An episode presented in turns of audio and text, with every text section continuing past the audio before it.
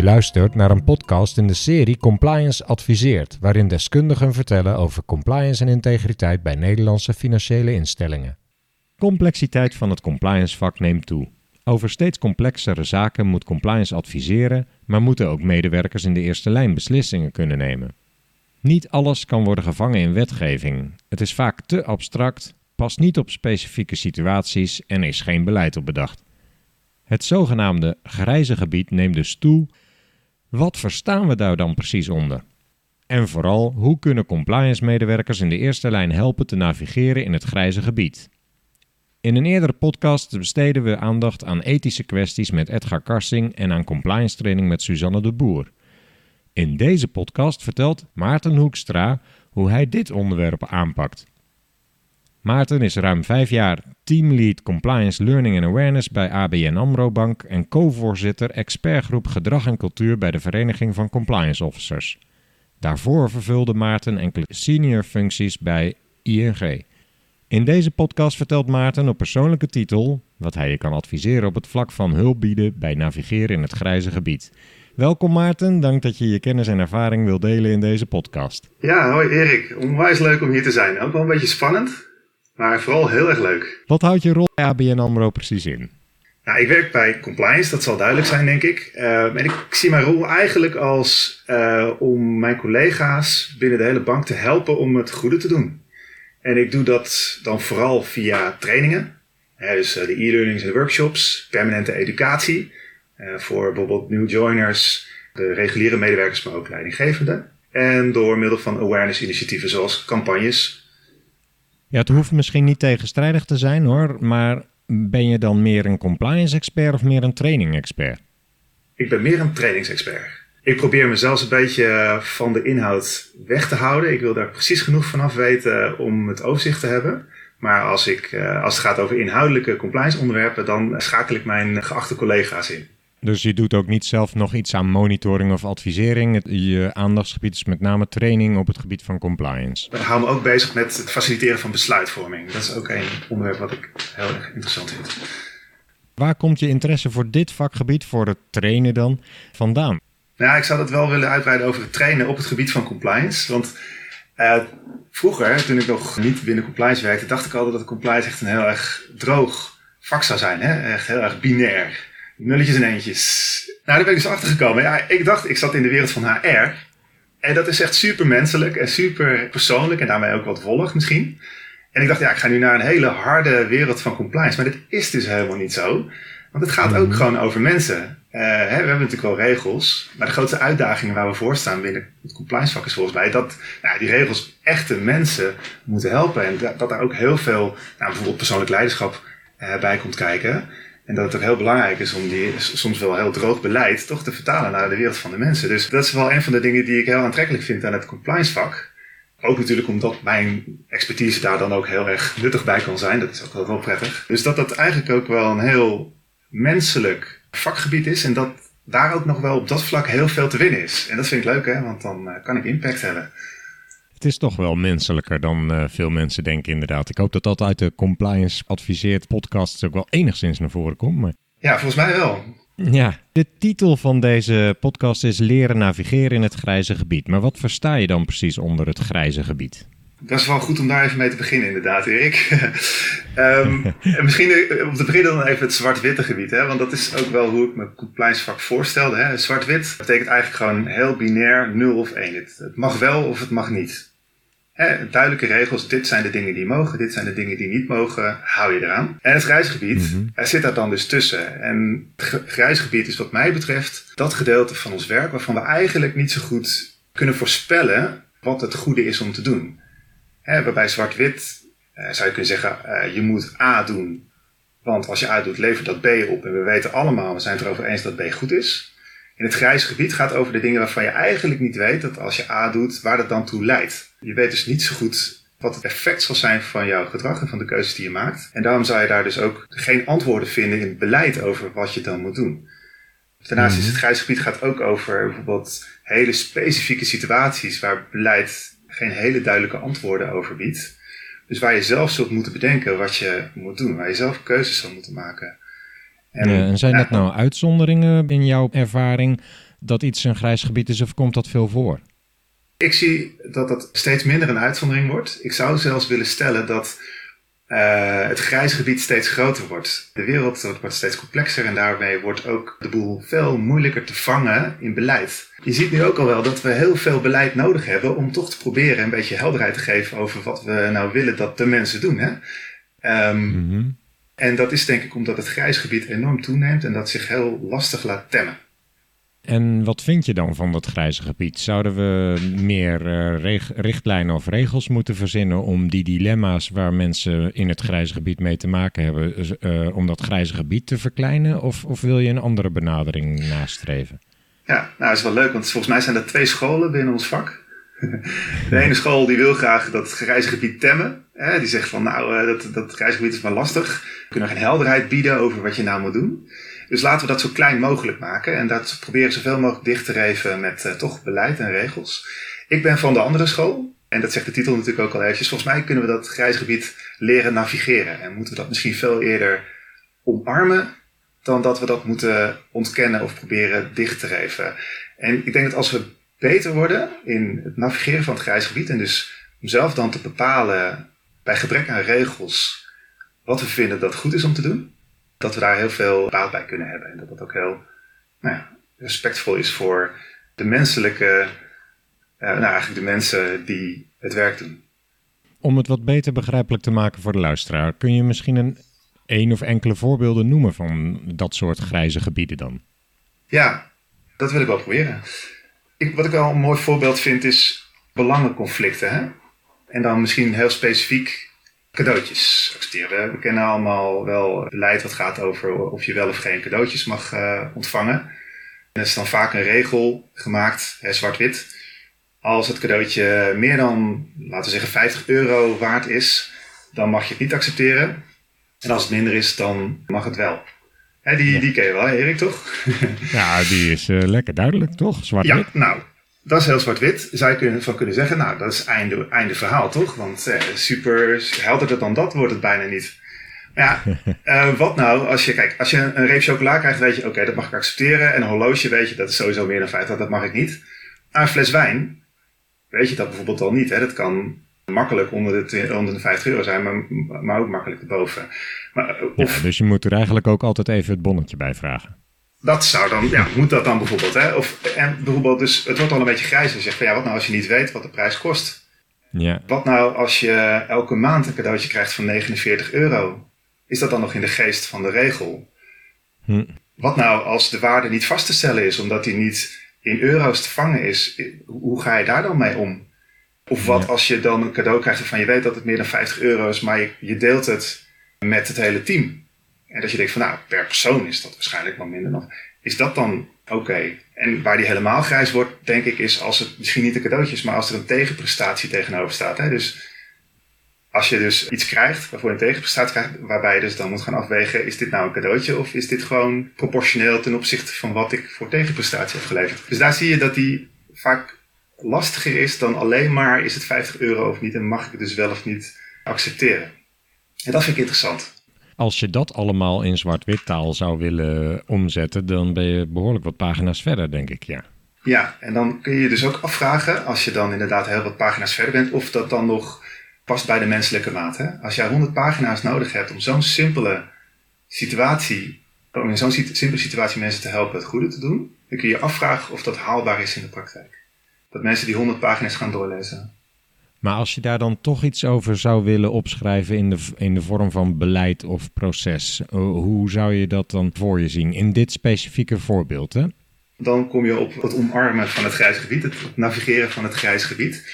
En daarbij zou ik het mhm. dus heel erg belangrijk vinden. Als, ja, ik vind uitlegbaarheid een hele interessante term. Comply or explain komt wel eens langs. Hè? Uh, hier is het dus uh, misschien te makkelijk om te zeggen: je moet gewoon complyen. Je moet je gewoon aan de regels houden. Wat ik hier heel erg interessant zou vinden is als je mensen kunt helpen om uit te leggen waarom zij denken dat het goed is om het cadeautje te weigeren of waarom ze denken dat het goed is om het cadeautje uh, te accepteren. En dat, mhm. daar denk ik dat we beter in kunnen worden. Mensen helpen om uit te leggen waarom ze dan een bepaalde keuze maken. Ik ben wel benieuwd op wat voor manier je daar dan mensen bij kan helpen. Maar mhm. is er nog misschien ook een ander voorbeeld denkbaar? Ik, ik zat zelf te denken aan die tegenprestatie waar ik net al even over had. Een, een situatie waarbij jij bent, uh, laten we zeggen, een, uh, je werkt bij IT binnen een groot bedrijf. En uh, je hebt samen met een leverancier een mooi, mooi project opgeleverd. Een mooie nieuwe software of zo. Of iets iets wat, wat echt wel aansprekend is. En vervolgens word jij gevraagd door die leverancier om te spreken op een congres. Het is een congres waar die, hmm. waar die leverancier sponsor van is. Je zegt, joh, uh, je hebt zo goed uh, zo een mooi project gedaan. We zouden het echt heel cool vinden als jij dat uh, daarover komt vertellen. het is in New York.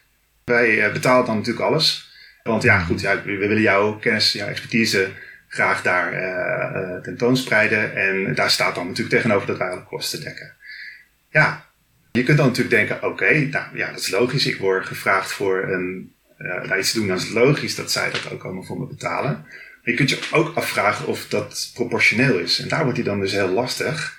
Hoe bepaal je nou of dat oké is? En of dat niet is dat die leverancier jou probeert te beïnvloeden voor misschien toekomstige uh, keuzes die je maakt. Dus daar, daar vind ik het al meteen heel lastig voor. Vind ik dat nou oké of vind ik dat nou niet oké? En daar is ook weer heel moeilijk beleid op te schrijven. Ook dit is een voorbeeld in de sfeer van belangenverstrengeling, denk ik. Ja. Ik kan me ook voorstellen dat bijvoorbeeld het beoordelen van klanten, als je het risico daarmee wil vaststellen, dat je, mhm. op, dat je met soortgelijke dilemma's zit met dat voorbeeld wat je noemt met die belangenverstrengeling. Ik ga ook naar New York om uh, daar iets te vertellen. Mhm. Is het in de praktijk vaak zo volgens mij dat je dan je leidinggevende maar toestemming vraagt en die neemt dan een besluit, ja of nee of zo. Maar ja. dan ontstaat nog steeds zo'n sfeer van ja, waarom eigenlijk niet of waarom eigenlijk wel. En ook daar kun je dan straks verder in de podcast iets over vertellen over wat voor manier ze dan kunnen gebruiken om zo'n beslissing te onderbouwen, begrijp ik. Ja, dat wil ik wel proberen, Erik. Ja. Oké, eh, maar waarom voelt het eigenlijk voor veel mensen zo oncomfortabel om zelf een beslissing te maken over dit soort situaties? Punt 1 is denk ik dat het niet zo makkelijk is om het eens te worden over wat, wat, wat oké is hier. Dus het is best wel controversieel. Je kunt hier best verschillende meningen over hebben, wat goed is en wat niet. En dat maakt het meteen al lastig om dan daar een positie op in te nemen. Uh, en als je, als je dan zelf een keuze maakt, dan je kunt niet terugvallen op regels of uh, in jouw voorbeeld op je leidinggevende. Dat betekent dus ook dat je zelf verantwoordelijk bent. En je bent opeens zelf verantwoordelijk voor het maken van een keuze. Mhm. En dat voelen mensen ook wel dan, denk ik. Ja. En je weet natuurlijk nooit of achteraf bijvoorbeeld blijkt dat de waarheid, uh, de leugens nog zo snel de waarheid achterhaalt en wel. Nou, dat is niet helemaal een goede term, maar het kan heel goed zijn dat in de toekomst blijkt dat achteraf gezien je misschien de verkeerde keuze hebt gemaakt. En daar was je dan wel verantwoordelijk voor. Dus het is wat dat betreft wel comfortabeler als jij gewoon kunt zeggen, nou, het staat hier dat ik dit mag, kijk maar. Dus, nou, ik kan, ik kan gewoon mijn gang gaan. Het is veel lastiger als je dan moet zeggen, ik vind dat ik dit moet kunnen doen. En dan kun je er ook op aangesproken worden. Ja. Als je ook ervan uitgaat dat een norm kan ook verschuiven. Het kan best wel zijn dat vijf jaar geleden uh, dingen helemaal oké waren. En dat het ook in dat tijdsbeeld helemaal prima was dat jij lekker naar New York ging. Alleen dat nu mensen erop terugkijken en denken ze van nou, wat heb je nou gedaan? De norm is verschoven, we vliegen niet meer zomaar naar New York. Dat maakt het denk ik ook oncomfortabel. Dat je uh, ja, toch best wel uh, stevig in je schoenen moet staan. Om dan te kunnen uitleggen waarom je dat toen zo gedaan hebt. En op wat voor manier ga jij dan te werk om medewerkers te helpen hun eigen keuze te maken? Ja, want die helderheid die snap ik. We hebben allemaal best verantwoordelijke banen waarbij heel veel, je maakt elke dag misschien wel duizend keuzes. Dus ik snap heel erg de behoefte om dan niet overal maar heel lang bij te hoeven wikken en wegen. Dus dat je graag helderheid wil hebben over, nou, wat uh, moet ik nou doen? Misschien wel de kern van mijn aanpak is dat ik dan wel helderheid wil scheppen, maar niet over de antwoorden. Dus niet over de regels, de do's en don'ts, wat mag wel, wat mag niet. Maar in plaats van de antwoorden over de vragen. Dus ik wil graag mijn collega's helpen om helderheid te hebben over wat zijn nou de overwegingen die je zou kunnen maken in zo'n situatie. Dus niet je moet dit doen, maar wel wat zijn de overwegingen op basis waarvan je kunt bepalen wat het goede is om te doen.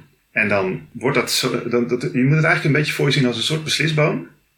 Als je op de vijf overwegingen allemaal ja kunt beantwoorden, nou, dan is het oké. Okay. is een beetje te kort door de bocht, maar dat is wel ongeveer hoe het werkt.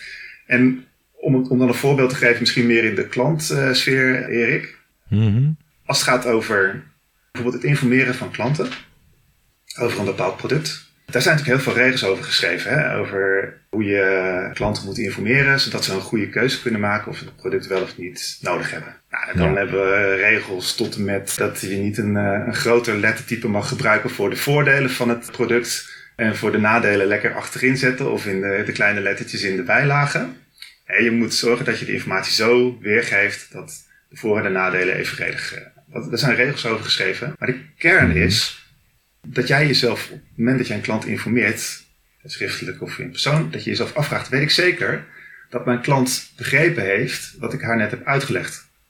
En weet ik zeker dat mijn klant een goed overzicht heeft van zowel de voor- als de nadelen van dit product? Dit is ook wel een interessant voorbeeld wat je nu noemt, want we hebben in de podcast met Raf Hoeben over de MIFID kunnen horen hoe ze proberen met regelgeving elk detail uit te sluiten en zwart-wit te maken. maar ja, Nice, ja. ook hij gaf aan, er blijft altijd een soort grijs gebied. Dus het is wel een leuk Ja. voorbeeld. Voordat we daarop verder gaan, nog heel even, hè, want hoe meer details er in wetgeving staan, hoe minder mensen dan nog geneigd zijn om zelf daarover na te willen denken, denk Ja. ik, of niet? Ja. Eens, ja. Eens, ja, dus niet doen.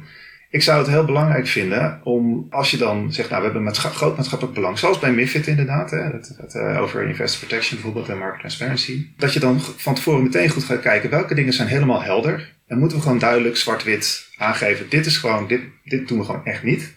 En dit doen we gewoon, moeten we absoluut wel doen. Je geeft al iets aan over wat er dan zwart of wit is. Dat, dat is Ja. dat, daar begin je mee dan Ja, in jouw dat is prima, weet je. Ja. Net, als met, de- net als met autorijden. Je, je, je moet een rijbewijs hebben als je auto gaat rijden. Je mag niet door rood licht eh, rijden en niet over de doorgetrokken streep. Dat is allemaal prima. Alleen er Mhm. blijft nog, nog steeds altijd iets over, over waar je zelf moet nadenken. En ik zou het heel mooi vinden als we bij het beschrijven van beleid heel goed onderscheid maken tussen wat, zou, wat zouden we nou gewoon helemaal duidelijk moeten beschrijven in zwart-witte termen. Mag wel, mag niet. En Mhm. welke dingen zijn grijs en willen we dus mensen helpen om zelf een goede keuze te maken. En MIFID is een prachtig voorbeeld waarbij de vragen eigenlijk belangrijker zijn dan de antwoorden in heel veel gevallen. Waarbij we echt mensen kunnen helpen om in hele specifieke klantsituaties overwegingen te maken. Dat is helpen, dit zijn de overwegingen die je zou moeten maken. Om dan eh, eh, zelf een keuze te maken die ze ook kunnen uitleggen. Als we dan even teruggaan naar dat voorbeeld van die cadeautjes. Welke vragen zou een medewerker zichzelf dan moeten stellen om te beoordelen of die het juiste doet? Er zijn een aantal vragen die ik heel graag zou willen dat iemand zichzelf dan stelt. Wat is mijn motief om dit cadeautje te accepteren? En wat is het motief van de gever van het cadeautje om mij dit te geven? Dat zegt namelijk iets over welke belangen erachter zitten en of je die belangen dan goed aan het behartigen bent of niet. Als het motief van de gever is om jou te beïnvloeden om volgende keer weer zaken met jou te gaan doen, dan moet je je afvragen of dat oké is.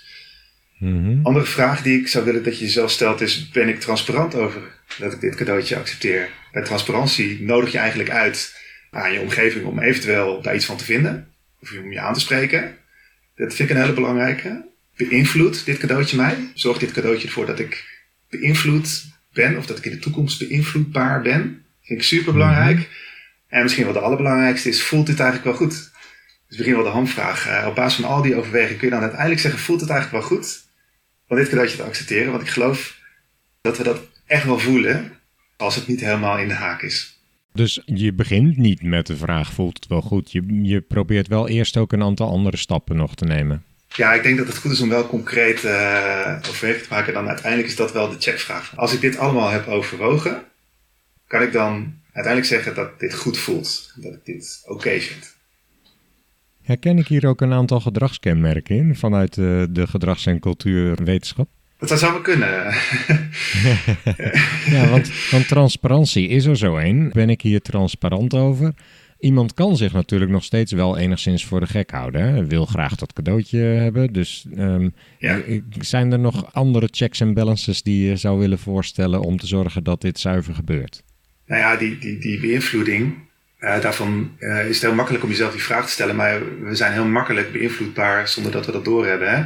Bijvoorbeeld het eh, reciprocity effect in de influencing. Dat, nou, dat als jij iets En geeft, dat je dat dan precies? gaat vooral over dat reciprociteit. Dus een soort van voor wat hoort wat. Als ik jou iets geef, Ja. hoe klein ook, dan, be- dan heb, beïnvloed ik jou om dan vervolgens in een, in een toekomstige situatie weer iets voor mij te doen. En dat werkt soms heel onbewust. Het gaat over een Ja. snoepje accepteren in de, in de Albert Heijn of een snoepje, ja, krijg je dan een keer gratis, mag je zo eten. En dan vervolgens ben je meer geneigd om dan dat merk snoepje onbewust toch te kopen in plaats van dat andere merk snoepje. En, en dat hele in het klein werkt ook in grotere situaties waarvan je dan dus gewoon eigenlijk niet doorhebt dat je beïnvloed wordt. Ja, je bedoelt een soort wederkerigheid. Je voelt je geroepen om dan toch iets terug te doen. Ja, en, en dat werkt soms ook heel onbewust. Ja. Yes. Denk je dat je op, uh, met die vragen dan inderdaad wel, want, want je zet zelf eigenlijk hiermee al een aantal kanttekeningen bij deze methode. Denk je dat je dan toch tot de juiste conclusies komt? Nee, maar ik denk wel dat het heel erg helpt uh, om dit zo te doen. Want ik geloof heel erg in mensen en ik geloof heel erg in professionals dat mensen graag het goede willen doen. En als je op mhm. zijn minst in ieder geval jezelf de overwegingen, als je de overwegingen maakt, als je jezelf de juiste vragen stelt, zul je ook gemotiveerd zijn om tot de antwoorden te komen. En ik geloof daar, ik heb daar heel veel vertrouwen in mijn collega's en in, eh, de mensen om me heen. Dat als je in ieder geval maar bewust bent van, hé, hey, word ik hier eigenlijk door beïnvloed? dat mensen dan genegen zijn om dat te onderzoeken en om daar achteraan te gaan. En ook als je dan, dit, als je dan bijvoorbeeld zegt van nou, uh, ken je bijvoorbeeld het reciprociteits, het wederkerigheidsbeginsel, dat ze dan ook wel geïnteresseerd zijn om dat tot zich te nemen. Ja. En daarmee zeg ik dus ook niet dat regels hier niet meer nodig zijn. Dat zeg ik niet. Het is niet een vervanging, maar het is wel denk ik een beter begin. Bewustzijn is volgens mij heel erg belangrijk. Hè? Dat, dat, dat, dat je, ik geloof er dus in dat als mensen, ik geloof, iedereen die ik tegenkom heeft een goed hart willen graag positieve impact hebben op de wereld om zich heen. Als ze zich bewust zijn van de risico's, bewust zijn van de uitdagingen waar ze voor staan, dan zullen ze heel vaak gemotiveerd zijn om daar hun verantwoordelijkheid te nemen. En dat is echt een heel mooi startpunt. En als je dan ook weer met regels komt of een beleidstuk van 100 pagina's neerlegt, dan heeft dat ook wel iets meer kans van slagen om, daarbij gebruikt te worden. Bijvoorbeeld. Behoefte aan helderheid, daar begon je mee. De regels geven heel veel helderheid. Ik denk dus dat als je zegt in deze specifieke situaties, informeren van een klant, accepteren van een cadeautje. Als je dan deze vragen stelt, als je deze overwegingen maakt en kunt uitleggen op basis van deze overwegingen wat je dan kiest, dan vind ik het goed. En dan geef je dus helderheid over het procesje wat je door moet lopen, in plaats van over dat je uh, helderheid krijgt over wat je moet doen.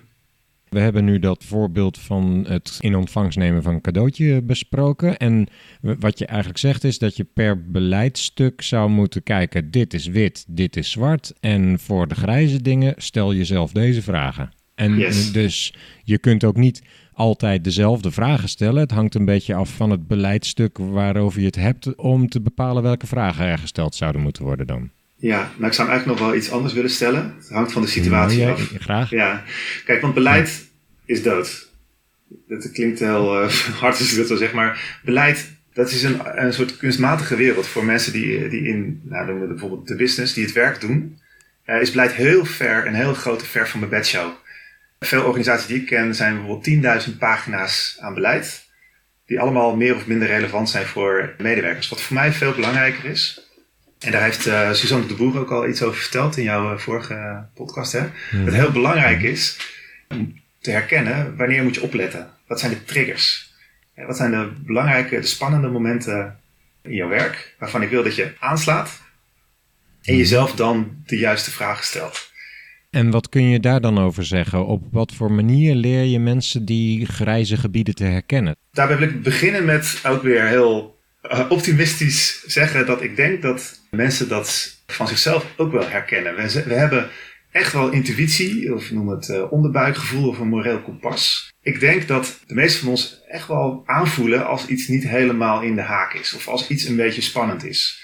Mensen zullen het niet meteen een dilemma noemen, hè, want dat is al meteen weer een, uh, een, ingewikkeld woord. Maar ik denk dat veel mensen wel aanvoelen wanneer iets spannend is of wanneer iets behoefte heeft aan uitleg.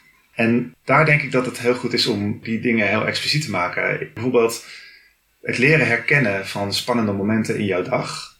Zoals inderdaad dat wanneer ik een klant informeer of wanneer ik een cadeautje accepteer, is daarbij erg belangrijk. Dus dat we bij de mensen die vanuit compliance mensen trainen, bewust maken van het goede doen, ze helpen die momenten te herkennen.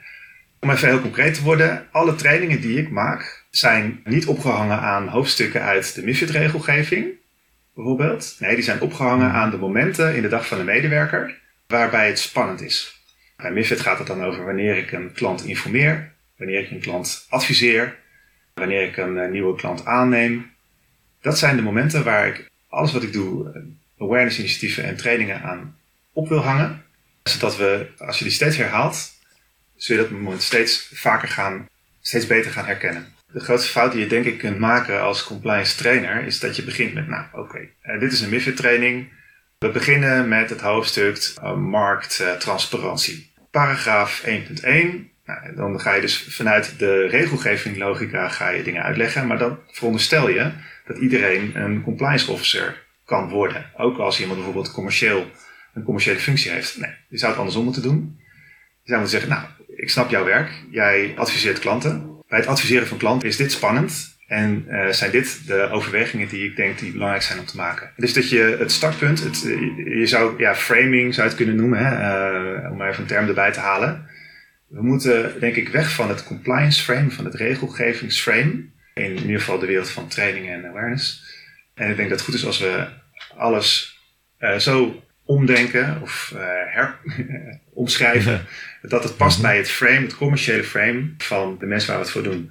Je gaf aan dat je erop vertrouwt dat mensen dat grijze gebied, dat, dat dilemma, wat dan een beetje een grote term is, maar wel zelf herkennen. Maar stel dat je je daar minder comfortabel in voelt, kun je je daar ook op trainen? Dat je herkent wanneer je in een grijs gebied zit? Ten eerste denk ik dat het wel goed is om bij alle dingen die we trainen, ook als dat soms heel zwart-witte gebieden zijn, even te refereren aan het grijze gebied. Dus je legt uit wat zijn de regels, maar ook wat zijn de uitzonderingen op de regels of wat zijn de situaties waarbij het spannend is. Dus dat is één stap. Tweede is wel het herkennen van het grijze gebied. Daar geloof ik inderdaad wel in intuïtie. Plus dat is moeilijk om te zeggen of dat heel goed kunt trainen. Wat wel heel belangrijk is, denk ik, dat we zorgen dat daar ruimte voor is. Soms is training niet de oplossing, hè? Dat, uh, dat, uh, dat snappen we denk ik allemaal. Wat we wel kunnen trainen is te zorgen dat bijvoorbeeld in een werkoverleg en je merkt dat iemand zit te kijken van, wat, hè, wat is dit? Uh, dat we dan aanleren om daar ruimte voor te maken. Dus dat we ruimte maken voor twijfel. Dat we dan even stil zijn en zeggen, hé, hey, wacht even, oké, wat is er aan de hand? En zegt iemand, ja, voelt niet helemaal goed. Ik weet het niet, ik heb het er niet zo mee dat we dan niet zeggen, oké, nou, uh, kom maar terug als je het bedacht hebt. Of uh, zet het maar op de mail. Nee, dat we dan samen even gaan verkennen, wat zit hierachter? Want dus het herkennen van morele kompas of het onderbuikgevoel bij elkaar en dan zorgen dat je daar ruimte voor maakt. En dat klinkt misschien een beetje hmm. abstract, maar dat is denk ik wel iets wat je kunt trainen. Dus dat als je enigszins maar een signaaltje krijgt van tingelingeling, hier uh, gaat iets niet helemaal mis, dat je dan even een pauzeknop hebt die je kan indrukken. En dat je dan uh, samen even gaat onderzoeken wat is hier aan de hand. En dat kun je dus ontwikkelen. En de kunst zit hem dan, als ik jou goed begrijp, vooral in het uh, leren de juiste vragen te stellen op, uh, op zo'n moment. Dat kan helpen en natuurlijk kun je niet alle vragen van tevoren bedenken. Het belangrijkste is denk ik dat je nieuwsgierig bent en gaat onderzoeken. En niet zegt van joh, dit is spannend of dit is... Uh, mijn gevoel telt niet, intuïtie bestaat niet binnen onze organisatie. Dat is het ergste wat je kan doen. Het gaat vooral over dat je daar dan ruimte voor maakt. Dat je denkt, nou, hier zit vast iets achter. En dat is dan de manier waarop jij traint. Maar wat voor implicatie heeft dit dan voor bijvoorbeeld compliance monitoring? Wat ik vaak hoor is dat er dan een rapport uitkomt van, nou, er waren zoveel dossiers wel in orde of zoveel dossiers niet in orde. Maar hoe makkelijk is het dan nog voor een compliance officer om te beoordelen of de juiste beslissing genomen is? Nou, dat is wel uh, misschien wel een, uh, de handvraag voor ons vakgebied op dit moment. Dus gaan we dat gebied dan inderdaad omarmen of gaan we dat proberen toch uh, dicht te reven? Als we dus kiezen voor de school die zegt, nou we gaan het omarmen, dan zul je hier inderdaad een antwoord op moeten hebben. En wat mij betreft zit dat in het verantwoorden van de keuzes die we maken. Dus in plaats van dat we mensen vragen om aan te tonen dat ze aan alle regels voldoen, vragen we mensen om aan te tonen dat ze een inspanning hebben gepleegd om tot een goed oordeel te komen. Ja, dat klinkt dan misschien nog een beetje vaag, maar het, is, heeft een beetje te maken met comply or explain. En wat we wel eens vaak zien langskomen. Ik denk dat wij als compliance van iedereen mogen verwachten dat zij in het grijze gebied een inspanning plegen. Ze hebben een inspanningsverplichting, omdat we niet weten wat het goed is, heb je wel een verplichting om erachter te komen. En dat is dan ook heel terecht om dat van mensen te vragen, want die zitten vaak in de context zelf. Hè. Die hebben met die klantsituatie te maken, die snappen de volledige complexiteit. Die zijn ook het best gepositioneerd om dan uit te leggen waarom ze denken dat ze een goede keuze maken. Dat is heel lastig, hè? En daarom zeg ik ook een inspanningsverplichting. Je kunt niet van iedereen verwachten dat ze dit kunnen. Zelfs met hulp vanuit ons van Compliance Met, die eh, juiste overwegingen maken en zo, is dat ongelooflijk lastig. Maar ik denk wel dat we kunnen vragen dat je kunt aantonen dat jij je best hebt gedaan om bepaalde stappen te volgen om een goede keuze te maken. Dus dat jij, als jij uit kunt leggen uh, waarom jij keuze A hebt gemaakt in plaats van keuze B, en, en, dat ook goed kunt mhm. vastleggen, hè, dan denk ik dat dat goed is. Er is natuurlijk nog steeds iets te monitoren, want we hebben al gezegd, er is wel altijd ook een wit en een zwart deel. Dat kun je nog steeds met compliance monitoring op die manier benaderen. Jouw methode is vooral bedoeld voor dat grijze gebied. En dat is wat lastiger te monitoren. Dus vooral daar moeten we ons dan heel eventjes... Ik ben wel benieuwd hoe je daar dan mee om zou moeten gaan. Betekent dat dan dat op het moment dat je in je klantdossier een duidelijke overweging ziet... of dat, uh, dat de CDD-analyst heel nadrukkelijk heeft uitgeschreven... ik heb mezelf deze vragen gesteld en ik kom tot deze conclusies... dat, dat je dat dan voor dat grijze gebied akkoord zou moeten vinden? Ja, ik denk dat, uh, dat die overwegingen, dat is één ding. Maar uh, als jij kunt laten zien, en even de methode van hoe, hoe, hoe leg ik dan uit in zo'n situatie wat voor keuze ik maak, op een manier dat compliance ook tevreden is, zou ik zeggen, nou dan moet je zeggen, nou dit zijn mijn overwegingen geweest. Heel expliciet, dit zijn, de, dit zijn mijn overwegingen geweest, dit zijn de belangen uh, die ik zie. En dit zijn de belangen die, die ik meeweeg. Ik kan uitleggen waarom ik denk dat de keuze die ik maak, die belangen ook behartigt, of in ieder geval proportioneel behartigd. Uh, en misschien wel, uh, ik heb ook tegenspraak georganiseerd. Hè. Ik heb ook eens iemand anders gevraagd van, zijn mijn overwegingen nou goed? Ik heb, ik heb een collega mhm. gevraagd of ik heb het de klant zelf gevraagd. En daarmee uh, laat je dan zien, ik heb deze overweging gemaakt, deze belangen meegewogen. Ik denk dat dit op deze manier proportioneel is. Ik heb dit ook gecheckt bij een of twee mensen. Dan kun je eigenlijk best wel stevig zeggen, denk ik, dat jij een goede keuze hebt gemaakt. En natuurlijk hangt het af van de complexiteit van de situatie, hoeveel er hier van jou gevraagd wordt, wat voor, hoe zwaar proces je moet doorlopen om tot een uitlegbaar besluit te komen. Maar dit zijn enkele ingrediënten um, die daarbij horen, wat mij betreft. Zijn er nog andere dingen die je mensen traint om de beslissing die ze nemen in het grijze gebied goed te documenteren, uh, goed vast te kunnen leggen? Kijk, we hebben het hier over de wereld van uh, het goede, hè? dus de morele wereld. En die is vaak een beetje vollig. Uh, onze taal is wat gebrekkig hier. Hè? Dus dit is meteen een hele lastige. Wat is goed? En uh, ja, hoe word je het daar nou over eens? Dus dat is meteen heel erg lastig. Het juridische gebied is heel goed. Hè? Daar kunnen we de kracht van woorden gebruiken om te beredeneren wat juridisch oké is en wat juridisch niet oké is. En in een commerciële wereld heb je de cijfers, kun je het gewoon berekenen gewoon uitrekenen wat is commercieel aantrekkelijk en wat niet. Dus hier zitten we best wel in een hele lastige situatie. Onze vocabulaire en onze grammatica schiet eigenlijk keihard tekort om, uh, om heel goed uit te leggen waarom we iets goed vinden.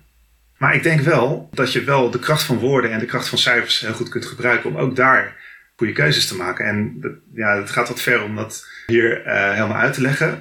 Zou compliance medewerkers moeten helpen aan een methode om door hen gemaakte keuzes te onderbouwen en goed vast te leggen? Hoe, op wat voor manier zou compliance dat dan moeten doen? Ik geloof dat daar wel kansen zijn. Want we hebben vastgesteld dat het heel lastig hè, om het reisgebied te navigeren. Als je dat aan mensen zelf overlaat, is het misschien te lastig. Dus wat we kunnen doen is als compliance, als wij mensen helpen om in die grijze gebieden de juiste vragen te stellen. Dat betekent dus dat wij heel concreet zijn over wat zijn de overwegingen dat ik wil dat je maakt.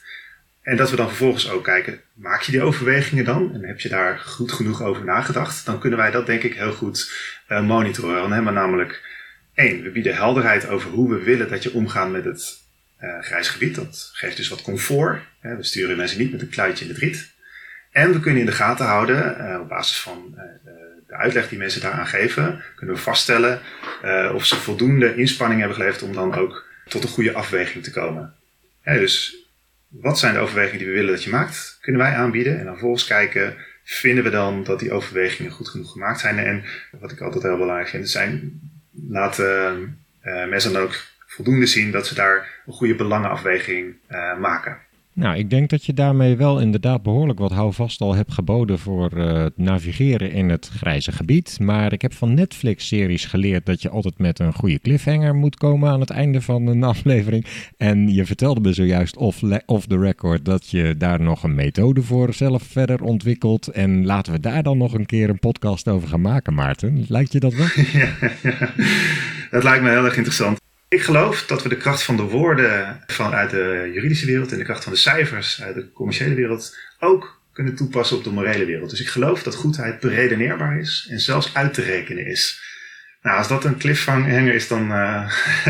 een cliffhanger van je welste. Ik, uh, we gaan uh, hierover nog eens een keer een mooie podcast ja. opnemen. Um, ja, misschien kom ik dan al meteen bij mijn vraag over de toekomst. Welke ontwikkelingen verwacht je op het vlak van het, het navigeren in het grijze gebied nog? Wat ik vooral ook zou willen weten, denk je dat toezichthouders daar ook meer ruimte voor gaan bieden? Of heb je het idee dat juist steeds meer gevangen moet worden in regels? Nou, ik kan alleen maar zeggen wat ik hoop. Uh, ik geloof dat de wereld heel hard complexer en complexer wordt. Of althans dat we de complexiteit van de wereld steeds meer gaan zien. En dan heb ik gewoon over... Uh, nou, het is gewoon, de wereld is heel dynamisch, er gebeurt gewoon ontzettend veel. Dus het betekent ook per definitie dat het steeds moeilijker te vangen is in zwart-witte regels. Dus ik geloof dat het grijze gebied enorm gaat groeien. Uh, en al enorm aan het groeien is. Dus dat we ook steeds harder achterlopen met het schrijven van regelgeving daarover.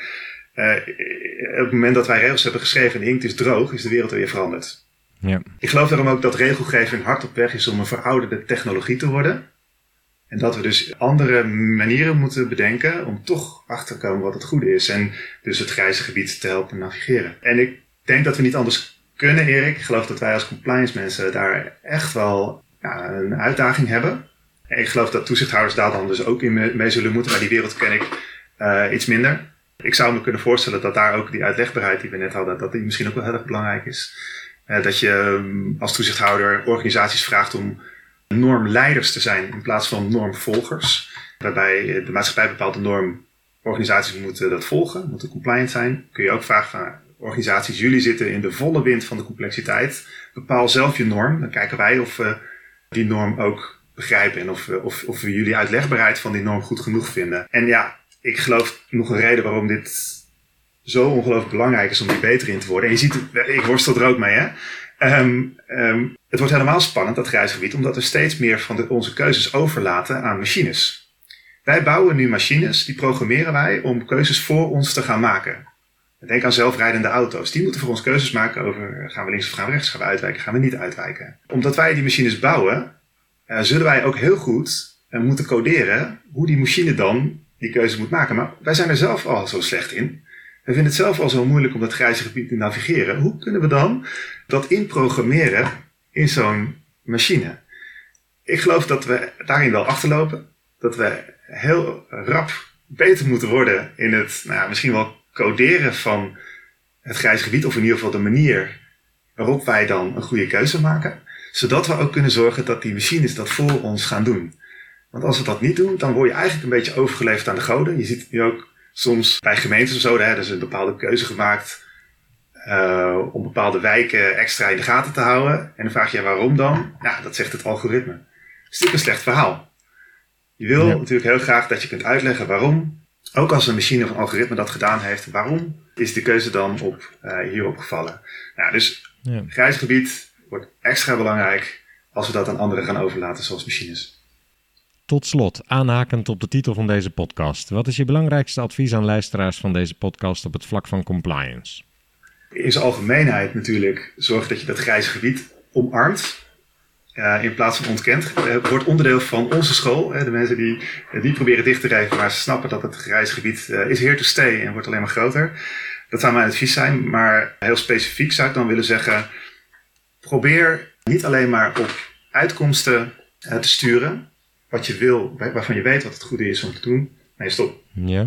Heel specifiek zou ik willen zeggen, probeer naast uh, te sturen op gewenste uitkomsten, re uh, aan regels voldoen, license to operate, ook collega's te helpen om een proces te volgen om zelf te bepalen wat het goed is om te doen. Waarbij, als het dus niet helder is, hoe doe je dat? En dat kan door middel van die overwegingen. Misschien heb je veel, zelfs een veel betere manier, dan wil ik het graag weten. Maar eh, als compliance denk ik dat we kunnen helpen. Dit is line to operate en dit is grijs. En hier, deze stappen kun je volgen. Heel helder hoe je het grijze gebied kunt leren navigeren. En dat is denk ik ook iets wat we samen moeten doen. Dankjewel Maarten. Veel succes voor de toekomst en ik kom graag nog bij je terug op het moment dat je die methode verder hebt uitgewerkt en, uh, en met ons zou willen delen. Heel leuk. Nou, ik vond het heel leuk om te doen. Dankjewel Erik. Dank dat je luisterde naar Compliance Adviseert. Heb je met plezier geluisterd? Volg dan op LinkedIn de pagina van Compliance Adviseert. Heb je een vraag of aanvulling? Laat dan ook even een reactie achter op de LinkedIn-pagina. Ik zal het met plezier lezen en wellicht kunnen we op die manier nog meer compliance kennis delen. Heel graag tot de volgende podcast.